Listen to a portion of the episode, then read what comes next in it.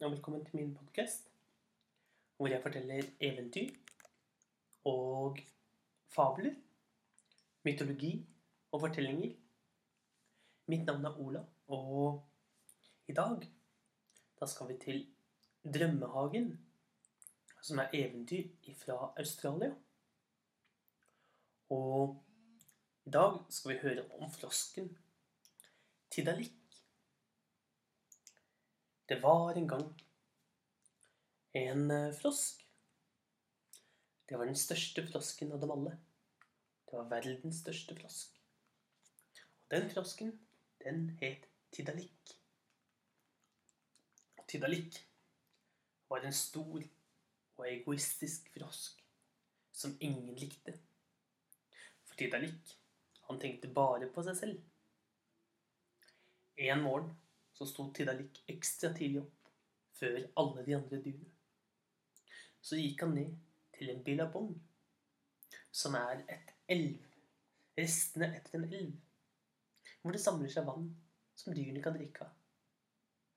Men Tidalik, han bestemte seg denne morgenen for å drikke alt vannet helt på egen hånd, slik at ingen av de andre dyrene fikk noen ting.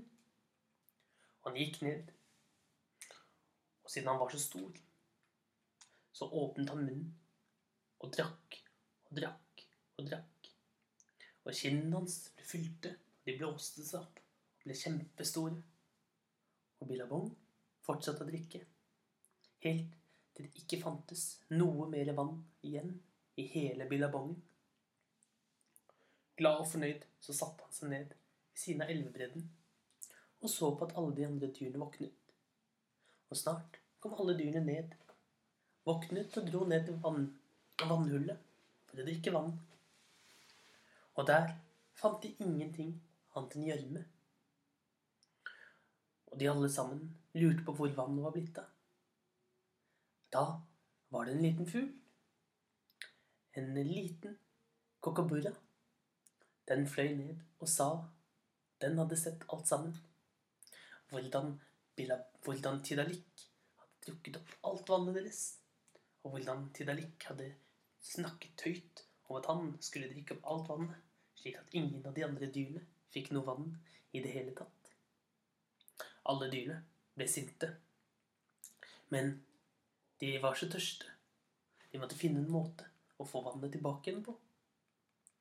Alle dyrene bestemte seg derfor for å lage et møte. Et hemmelig møte hvor Tidalik ikke var invitert. Så de satt der og diskuterte. Hvordan skulle de få Tidalik til å gi tilbake vannet? Da var det en gammel emu, en struts, som kom med en god idé. Den sa Vi skal få Tidalik til å begynne å le. For ingen kan holde på vann i munnen sin når de begynner å le. Og når han begynner å le, da vil alt vannet komme tilbake til oss. Så kan vi drikke fra billabongen, alle sammen. Det syns alle dyr var en god idé. Og de alle sammen skyndte seg tilbake. Den første som hadde lyst til å prøve å få Tidalik til å begynne å le, det var selveste maurpinnsvinet. Han hadde så mange pigger på ryggen. Men han kunne rulle seg sammen til en liten ball. Så det gjorde han han gikk opp på toppen en haug i nærheten og ropte ned på Tidalik. Og Tidalik så på han.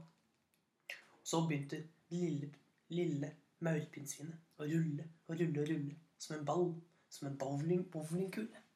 Fortere og fortere og fortere hele bakken ned. Helt til den falt over ende.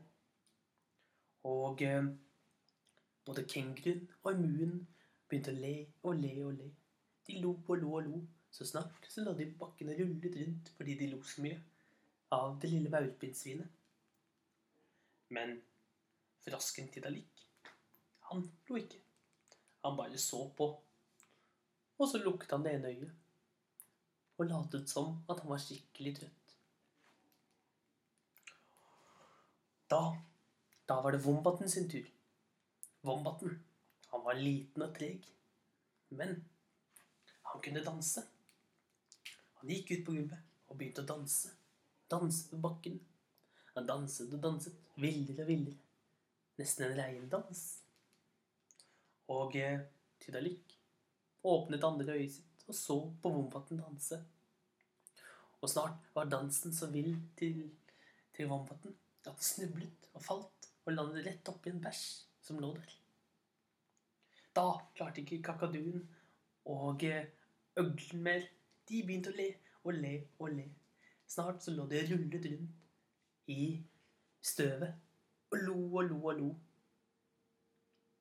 Men frosken Tidalik, han lo ikke. Han bare så på og latet som han var trøtt. Og latet som han la seg ned for å sove litt. Nå var det Kokaburan sin tur. Kokaburan, den var så god til å fortelle historier.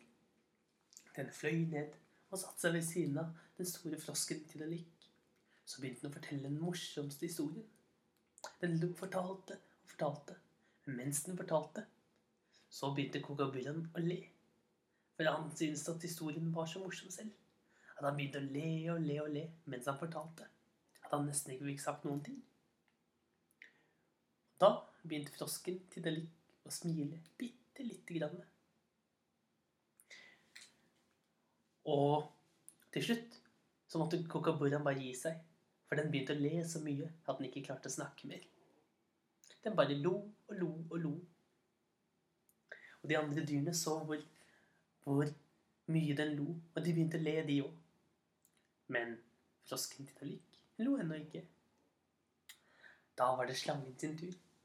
Slangen buktet seg så fort, så fort, rundt og rundt og rundt, og lagde store sirkler. Tidalik bare så på og latet som han var trøtt.